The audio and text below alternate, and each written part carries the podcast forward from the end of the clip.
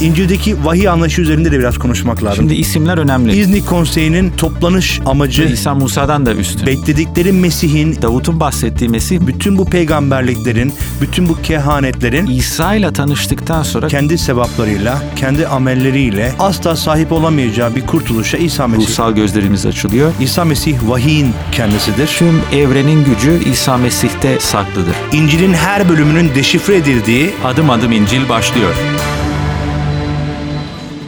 Adım Adım İncil programında Radyo Maranata'dan bizi dinleyen tüm dinleyicilerimize ben Mark Madrigal. ben Emre Karali merhaba diyoruz. Bu program boyunca elimizden geldiğince, dilimiz döndüğünce sizlere kutsal kitabın yeni antlaşma bölümleri, bilinen ismiyle İncil'in her bölümünü ele alacağız. Açıklamaya, sıkça sorulan soruları yanıtlamaya çalışacağız. Soru ve görüşlerinizi sosyal medya hesaplarından et Radyo Maranata yazarak ya da www.radyomaranata.com web sitesinden mail yoluyla bize ulaşabilirsiniz diyoruz ve bugünkü programımıza başlıyoruz. Sevgili dinleyiciler Radyo Maranata'da Adım Adım İncil programında 2. Korintliler mektubunu konuşmak üzere bugün bir kez daha sizlerle beraberiz. Sosyal medya hesaplarından et Radyo Maranata yazarak bize ulaşabileceğinizi, soru ve görüşlerinizi bize bildirebileceğinizi bildirelim. Aynı zamanda e-mail adresimiz soru et radyomaranata.com adresinde bize ulaşın. Soru ve görüşlerinizi bizimle paylaşın diyelim. Bugün 2. Korintliler mektubuna e, devam edelim. E, 1. Korintliler mektubunda olduğu gibi 2. Korintliler mektubunun da yazarı e, Pavlus'un kendisidir. E, ve e, bu iki mektup aslında bir, bir sürecin devamı niteliğindedir. E, ilk mektupta çeşitli sorunlar üzerine konuşan Paulus, ikinci mektupta da e, yine de bu sorunlar üzerinde konuşmayı sürdürüyor ve e, bir şekilde kiliseyi e, Mesih'in öğretisine teşvik etmeye çalışıyor diyelim. Evet yani aslında bu mektup e, 1. Korintiler mektubundan yaklaşık iki sene sonra yazılan bir mektup. Pavlus neden bu mektubu yazdı? Çünkü ilk mektubu işe yaramadı. Şu Evet. açıdan işe yaramadı. Yani problemler çeşitli şekillerde devam ediyor. Problemlerin e, kaynağını tam bilmiyoruz ama e, bu mektupta sanki e, bazı kilisedeki önderlerin e, Pavlus'u eleştirdiğini e, ve en azından hor gördüğünü e, imasını e, alıyoruz. Şimdi biraz tabii hikayeyi to- toparlamak e, lazım. E, 1. Korintliler mektubunda bildiğimiz kadarıyla e, Korint Kilisesi'nde e, çeşitli imanların olgunsuzluğundan dolayı e, bir kaos ortamı hakimdi. Yani herkes kafasına göre e, davranıyordu. Kimisi Pavlusçuyum diyordu, kimisi Petrusçuyum diyordu, kimisi Apollosçuyum diyordu vesaire. Zaten e, Paulus buna eleştiri getiriyor. Yani Mesih bölünmüş Birinci müdür? Korintlilerde evet açık bir Aynen şekilde yani biz, biz Mesih bölündü mü? Diyor. Mesih bölündü mü? Yani ben Petrus'la Apollos'la herkesle gayet iyi anlaşıyorum. Niye siz öyle taraf tutuyorsunuz e, şeklinde.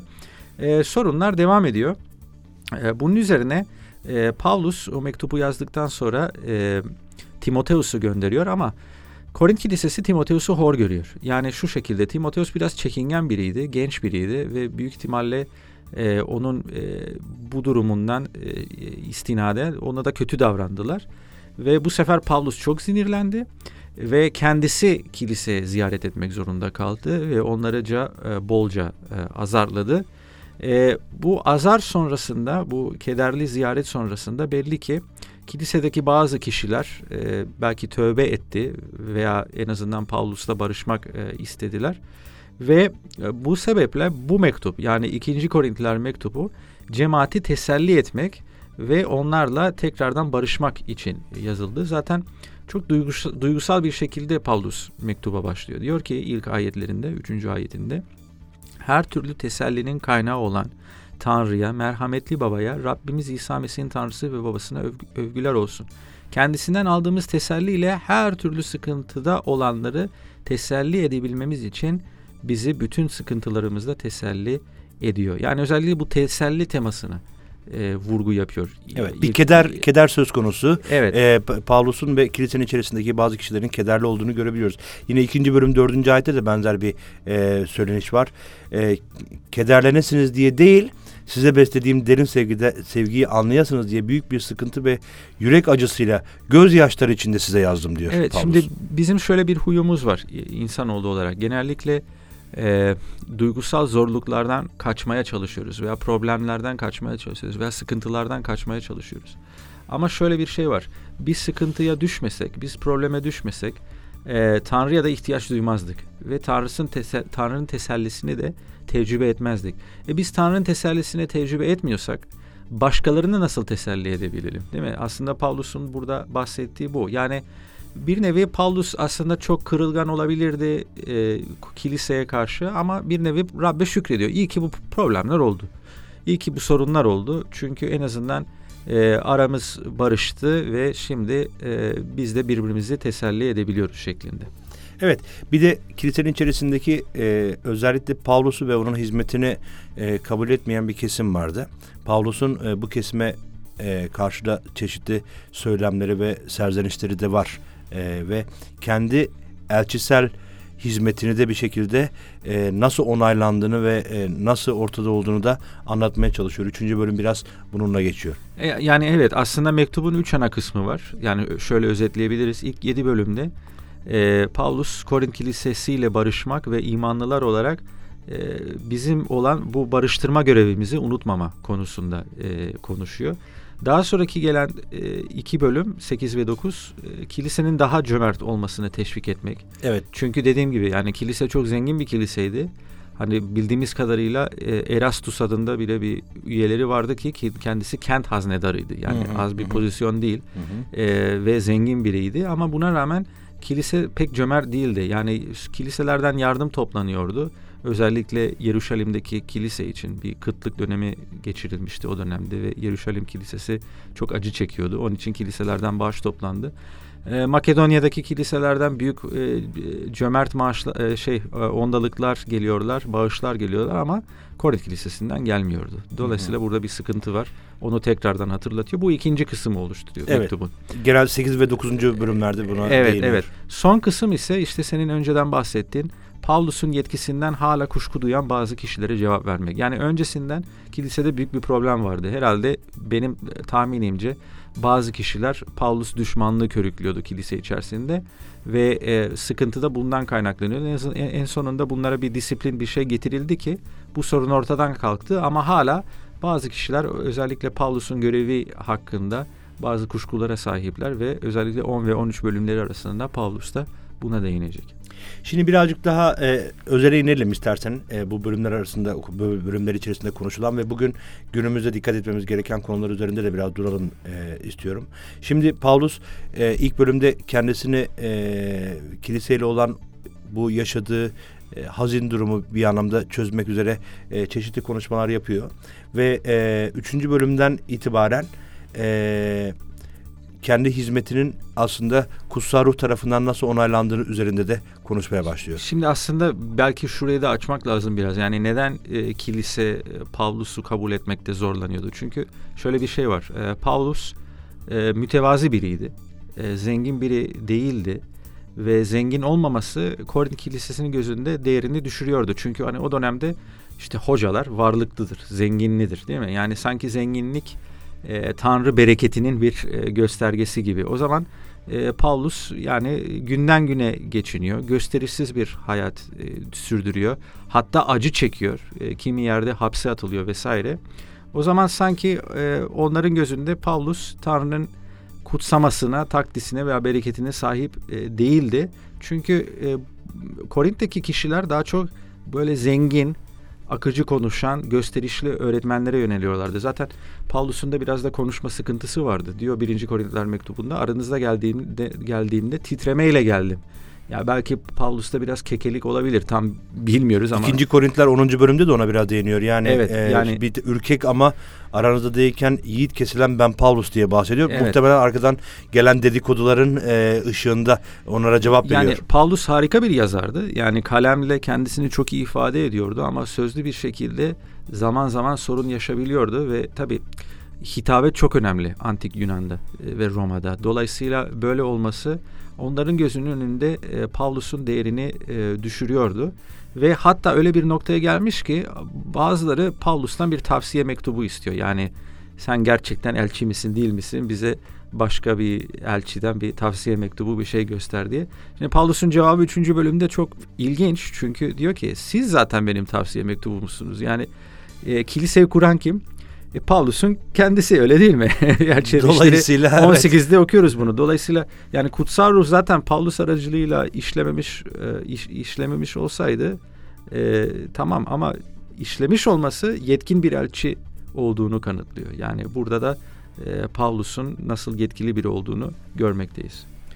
Şimdi bu e, Paulus'un kendi inanç sistemini kurmayı düşündüğüne yönelik sorulara da bir başka cevap oluşturuyor. Sık sık e, bu mektuplar üzerinde konuşurken bunlara değineceğiz. Çünkü e, günümüz çağdaş dünyasında işte e, Hristiyan inancının Paulus tarafından oluşturulduğu, Paulus tarafından yaratıldığı üzerinde konuşuluyor ama görülüyor ki kendi kurduğu kilise içerisinde bile eleştiriye e, maruz kalabiliyor Paulus ve bir şekilde orada e, kendi elçiselliği üzerinde de sorgulanıyor.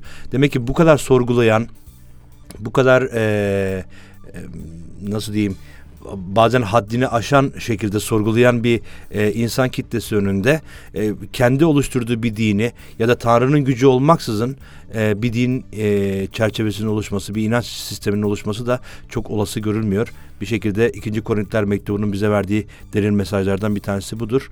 Çünkü e, bu kadar sorgulamanın, bu kadar e, karşı koymanın, bu kadar günahın, e, bu kadar e, sıkıntıların kilisenin içerisindeki bu kadar e, farklı görüşlerin e, ve gururun yoğun olduğu bir Korint'te e, bile Tanrı kendi kilisesini oluşturabiliyorsa bu insansal gücün biraz üstünde e, olduğunu da açıkça söylemek gerektiğini düşünüyorum.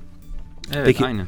Peki burada bırakalım e, ilk bölümümüzü. İkinci bölümde e, devam edeceğiz. E, konuşacak çok şey var ikinci Korintiler üzerinde. Efendim kısa bir ara rica ediyoruz sizlerden. E, ikinci bölümde kaldığımız yerden devam edeceğiz.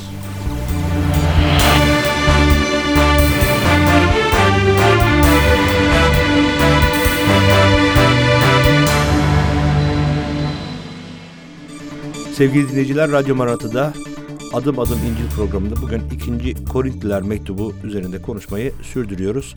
Ee, baştan hatırlatalım, sosyal medya hesaplarından et Radyo Maranatı yazarak ya da e-mail yoluyla soru et radyomaranatı.com adresinden soru ve görüşlerinizi bize ulaştırabilirsiniz. Elimizden geldiğince dilimiz dönünce sizin sorularınızı yanıtlamaya çalışacağız. Şimdi ilk bölümde biraz e, Korintler mektubuna genel bir bakış yaptık. Biraz daha detay ineceğiz ikinci bölümde. Konuşacak çok şey var dedik. E, üçüncü bölümde özellikle Pavlus'u sorgulayan, e, onun e, elçiselliği üzerinde sorgulayan kişilere Pavlus'un verdiği yanıt üzerinde biraz konuşmakta fayda var. Çünkü e, elçilerin bütün hizmetlerinde olduğu gibi burada da kutsal ruhun e, nasıl bu hizmetleri e, onadığını aslında kutsal ruhun nasıl Pavlus aracılığıyla çalıştığı e, ortaya konulmaya çalışıyor Pavlus tarafından. Belki oradan başlayabiliriz. Yani evet şimdi tabii e, Pavlus'un yetkisiyle ilişkin çeşitli argümanlar sunulabilir. Hani e, Petrus mektubunda diyor ki e, diğer kutsal yazılarda olduğu gibi kimileri Paulus'un mektuplarını da çarpıtmaya çalışıyor. Yani Petrus'un gözünde Paulus'un yazıları meşruydu.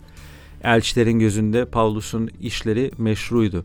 Ama önemli olan husus yani bir kişinin doğru öğretiyi verip vermemenin e, vermediğini bilmek istiyorsak aslında bizim kıstasımız ne olmalı? Turnasol testimiz ne olmalı? Meyve. Yani meyve veriyor mu? Yani İsa Mesih ne dedi? Ne dedi? İnsanları meyvelerinden evet, tanıyacaksınız. Her ağaç meyvesinden tanınır. Evet yani iyi ağaç iyi meyve verir, kötü ağaç kötü meyve verir. O zaman bazen karşımıza çok hoş sözlü insanlar gelebilir ama hayatlarına bakın. Yani hayatları Tanrı'nın sevgisini, Tanrı'nın e, esenliğini, Tanrı'nın şefkatini bunları yansıtmıyorsa demek ki bunlar sahte öğretmen. Yani bir şekilde bir şey konuşuyorlar ama hayatları değişmemiştir. Yani bizi öğretmen olarak yetkin kılan aslında kutsal ruhtur ve kutsal ruh insanın hayatında yaşıyorsa, içinde yer alıyorsa o zaman insan da pozitif dönüşümler meydana geliyor. Dedik ya hani iyi aç iyi meyve verir.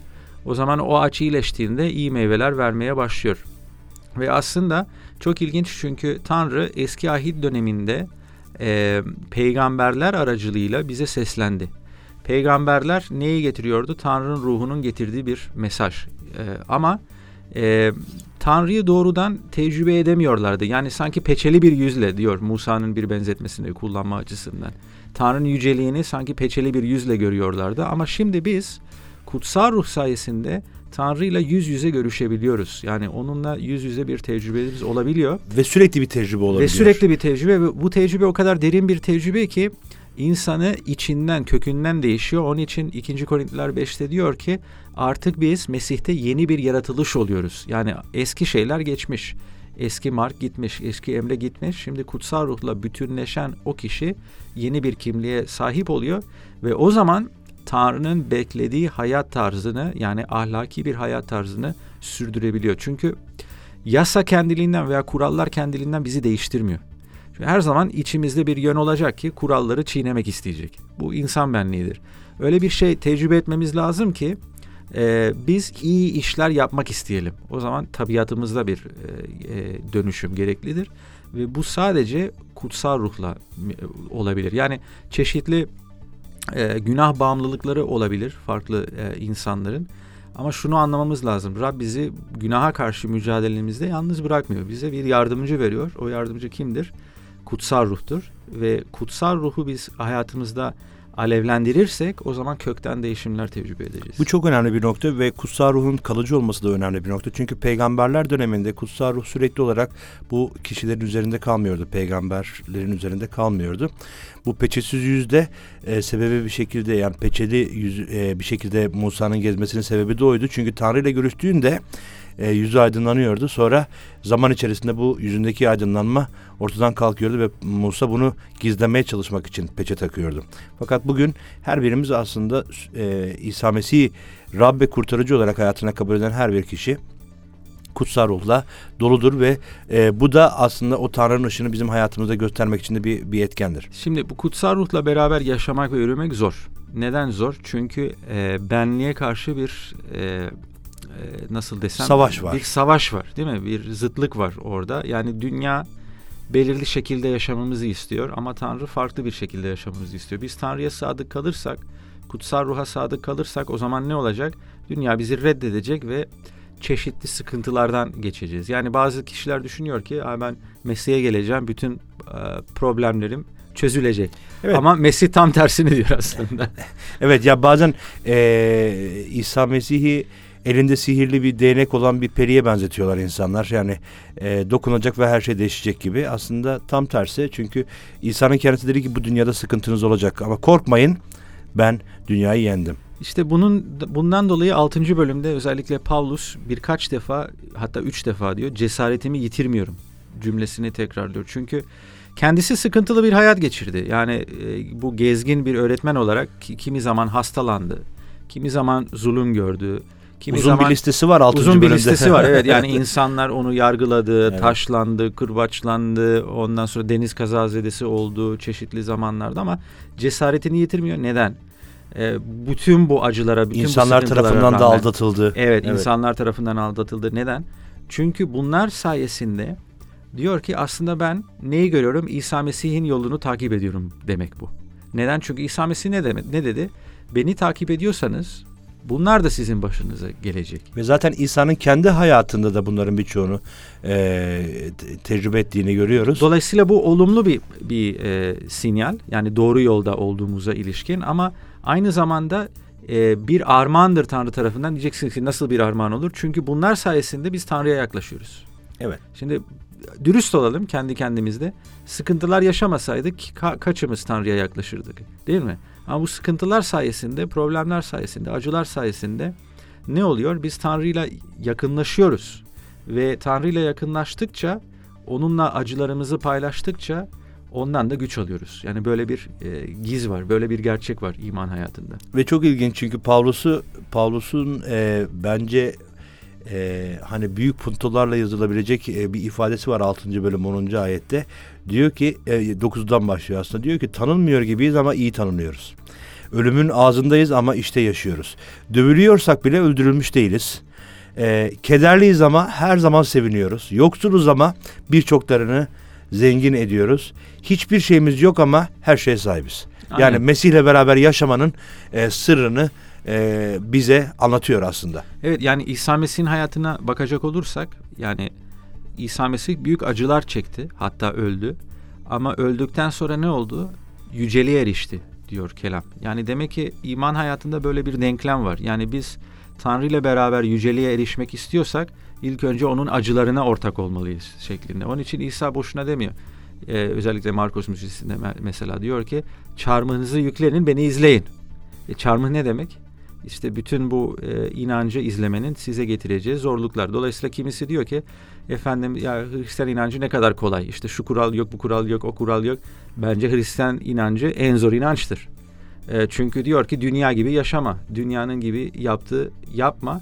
E, Mesih'e boyun eğ ve kendini inkar et. Yine Hadi de bakalım. Yine de e, bununla beraber tabii Tanrı'nın ruhu aracılığıyla bütün bunların üstesinden gelebilme gücünü yine Tanrı bize veriyor. Bizim gücümüzde değil. Bu çok önemli ve bence Hristiyan inancını diğer bütün inançlardan ayıran en büyük özellik özellikle özellikle budur. Çünkü İsa Mesih kendisinin yapmadığı ya da kendisinin karşılaşmadığı hiçbir şeyi bizden beklemiyor e, ve e, bütün hayatımızda karşılaşacağımız zorluklar aslında İsa'nın hayatında görünüyor ve bir şekilde biz biz onun yaşamına e, yaşam biçimine ortak ediliyoruz Hristiyan olmakla ve bu büyük bir onurdur aslında. Evet yani şöyle diyelim biz İsa gibi yaşamak, İsa'nın ardınca yürümek için çağrılmışız. O zaman bu dünyadaki insanların hayatını taklit etmek bize yakışmayacak bir şey. İmansızların yani, arasından imans, çıkıp ayrılın diyor. Aynen yani hani bütün bu e, karanlığın ışıkla e, karışmayacağı mevzusu mesela. Yani bu dünyadaki yaşam hayat stilini, zevklerini, para, şöhret düşkünlüğünü benimsememek lazım. Çünkü İsa'nın e, izlediği yol bu değildi. Ya birini ya diğerini seçeceğiz. Ortası yok. Ve bu çok önemli çünkü Paulus 6. bölümü bitirirken buna çok net bir şekilde e, bir eski antlaşmadan aldığı bir ayetle e, değiniyor. Diyor ki e, Rab insanların arasından çıkın ayrılın diyor. Murdara yani dinsel olarak kirli olana dokunmayın ben de sizi kabul edeceğim. Bir şekilde Tanrı aslında Mesih'in örneğinde bir e, yaşam sürdüğümüzde e, bize baba olacağının vaadini 6. bölümün sonunda veriyor. Evet. Aynen. Ee, şimdi bu konulardan sonra e, kilisenin bu verme ve ondalık konusuna geliyor. Dedik ya hani biz bir insanı meyvelerinden tanırız. O zaman e, bir imanlının e, gerçek anlamda İsa Mesih'i kabul etme, ettiğinin göstergesi nedir? Cömert olması. Yani bir cömertlik meyvesi e, vermesi lazım.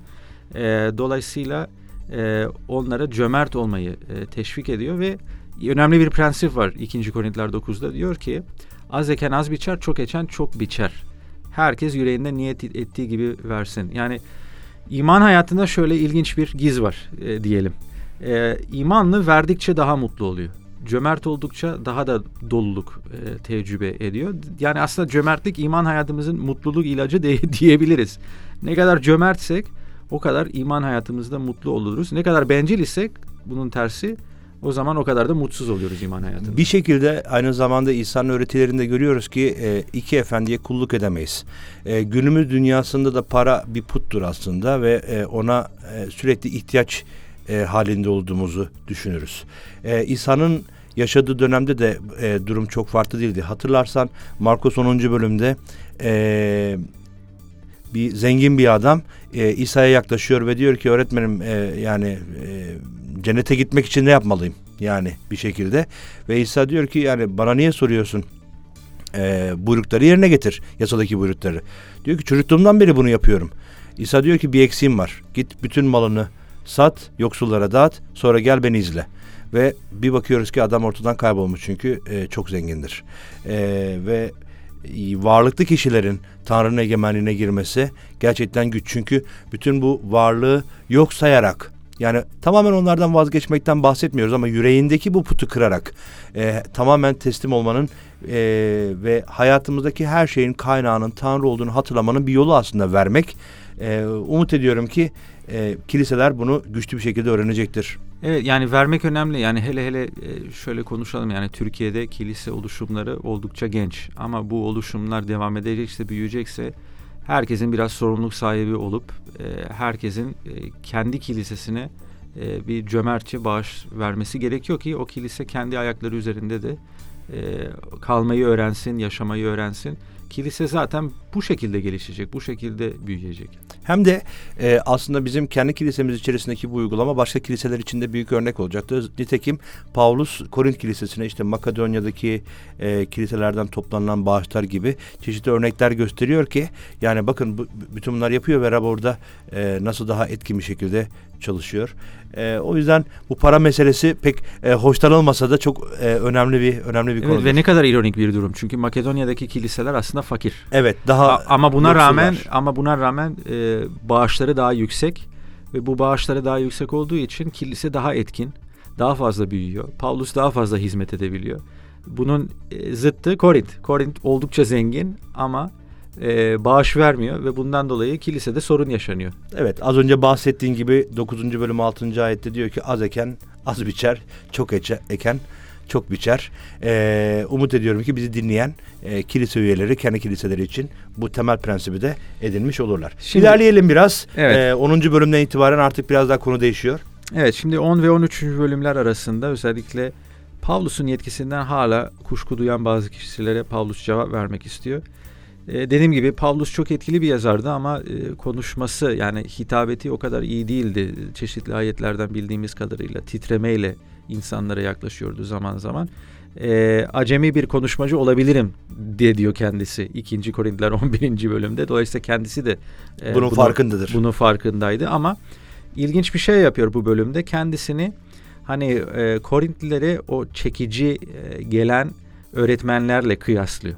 O zaman bu üstün elçiler sözde veya çekici öğretmenlerin bazı e, özellikleri vardı. Şimdi bunlar İbrani'ydi. Dolayısıyla diyordu ki doğru öğretiş bizde. E, kutsal kitabı biliyorlardı. E, ama çok ilginç para karşılığında Bunu hizmet ediyorlardı. Evet. Vaaz veriyorlardı veya öğreti veriyorlardı vesaire. Sonra Paulus kendi CV'sini açıyor bir nevi. Yani kendisinden bahsediyor. Diyor ki kardeşim benim onlardan ne eksiğim var? Birincisi ben ferisiydim. Bu ne demek? Yani Tevrat'ı ezbere biliyorum. Yorum sanatını biliyorum. Hatta Gamaliel adında bir hocası çok vardı. ünlü, çok Ünlü bir hoca. hocası. Evet. Ondan sonra ikincisi İsa Pavlus'a göründü bir kere. Bu gezici e, öğretmenlere görünmemişti. Ondan sonra e, Pavlus'un kendisi ilk yolculuğunda büyük ihtimalle e, özellikle Konya e, yolculuğu sonrasında taşlandığında e, klinik bir ölüm e, yaşamış büyük ihtimalle. Birkaç saniyelik ölü gibi olmuş. E, ve cenneti gördü. Çünkü diyor ki üçüncü göğe çıkan birisini tanıyorum. Kendisinden, Kendisinden bahsediyor evet. Ee, İsa ve müjde uğruna zulüm gör, çekti ve daha önemlisi hiç para istemedi. Ee, ama diyor ki bunların hiçbiri yani böbürlenmem için sebep olmasın. Ben bunlarla övünmeyeceğim. Zayıflığımla övüneceğim. İyi ki zayıfım. İyi ki aciz bir kulum. Çünkü aciz kul olmakla Tanrı'nın lütfunu tecrübe ediyorum ve şu sözün anlamını anladım. İsa'nın lütfum sana yeter. Çünkü gücüm güçsüzlükte tamamlanır. O zaman Paulus aslında e, CV olarak diyelim bu öğretmenlerden kat kat üstün. Ama bunun reklamını yapmıyor. Evet tam tersi bir de e, aslında e, aba altından sopa göstererek e, bir anlamda para karşılığında hizmet eden, para için hizmet eden e, kişileri de suçluyor. Bir şekilde onları sahte elçiler, düzenbaz kişiler, e, kendilerine Mesih'in elçisi süsü veren kişiler olarak e, kişiler de var. Ve kiliseyi bunlara karşı da uyarıyor ve e, bunu aslında e, bir şeytanın e, kendisiyle bağdaştırıyor. Şeytan da kendine ışık meleği süsü verir diyor. Şimdi, şimdi burada bir dipnot açmak istiyorum çünkü bu yanlış anlamalara e, şey sebep olmasın. Burada demek demi, demiyoruz ki hani kilisede hizmet eden önder maaş almasın. Yok çünkü işçi ücretini hak eder. Yani Evet. ilk kilisede görüyoruz ki kilisedeki önderler e, giderlerini e, topluluğun içinden e, verilen paralarla karşılıyorlardı. Evet. O farklı. Müjdeye hizmet eden müjdeden doysun diyor zaten o, o, kitap. o farklı ama para için kiliseyi sömüren farklı. Evet. O zaman mesela e, televizyonlarda çok görüyoruz. İşte sürekli telefon hattı açıp işte para gönderin, para gönderin, para gönderin. E, sürekli reklam yapıp adeta e, ya para için yaşayan insanlar o farklı. O zaman burada ne oluyor? Müjde e, kimi insanların maddi çıkarları için suistimal ediliyor. Bu çok önemli. Yani bu ikisi arasındaki ayrım çok önemli. Bir tanesi zaten kilise içerisinde kiliseye hizmet eden insanlar, kiliseye hizmet ettikleri için onların ihtiyaçlarının karşılanması bir şey.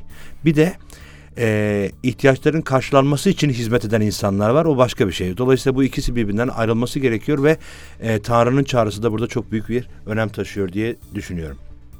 Yani dolayısıyla hani bir bunu bir sonuca e, özetleyecek olursak e, ben şöyle bir soruyla bitirmek istiyorum. Yani gerçek ile sahte imanı nereden ayırt edebiliriz? Bence meyvelerden. Yani e, herkes kendisine sorması lazım. Yani kutsal ruhu tecrübe ediyor muyum? E, Tanrı ve komşumla beraber barışık mıyım? E, yoksa arkadaşlıklarım kiliseden mi yoksa dünya ile aynı boyunduruğu mu paylaşmaya çalışıyorum? Yani bütün dostluklarım sadece dünyasal dostluklar mı? önderlerimi boyun eğiyor muyum yoksa kafa mesleği gibi mi davranıyorum? Yani bütün bunları kendimize sormak lazım. Doğru meyveleri veriyor muyuz? Kendi imanımızı sınamamız lazım. Zaten en son ayetlerden bir tanesi Paulus'un uyarısı diyor ki iman yolunda olup olmadığınızı anlamak için kendinizi sınayıp yoklayın. Bu çok çok çok önemli. Birinci Korintileri bitirirken e, nasıl e, bir uyarıda bulunduysa ikinci Korintiler mektubunu bitirirken de Paulus benzer bir uyarı ile tamamlıyor. Her ne kadar e, birinci mektubun e, içeriğiyle e, temel olarak örtüşmese de yine de yüzeysel olarak değilse de bazı konulara yine de Paulus'un yüreğinde kilisedeki sorunlarla ilgili kaygıların aslında kendisinin elçiliği üzerinde yapılan tartışmalardan daha üstün olduğunu görüyoruz. Çünkü e, son selamlamalarda bitirirken yine aynı şeyi tekrarlıyor.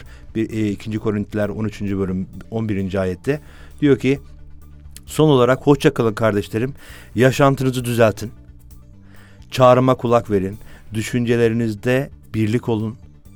Esenlik içinde yaşayın. Sevgi ve esenlik kaynağı olan Tanrı sizinle birlikte olacaktır diyor. Ve e, Mesih'in lütfu, Tanrı'nın sevgisi, kutsal ruhun paydaşlığı hepinizle birlikte olsun diye bitiriyor. Biz de aynı dileklerle bugünkü programımızın sonuna gelmiş olalım. Hepiniz e, Rab İsa Mesih'in lütfu, Tanrı'nın sevgisi, kutsal ruhun paydaşlığı e, hepinize birlikte olsun diyelim. Ben Emre Karali. Ben Mark Madrigal. Bir sonraki programda görüşmek dileğiyle. Hoşçakalın efendim.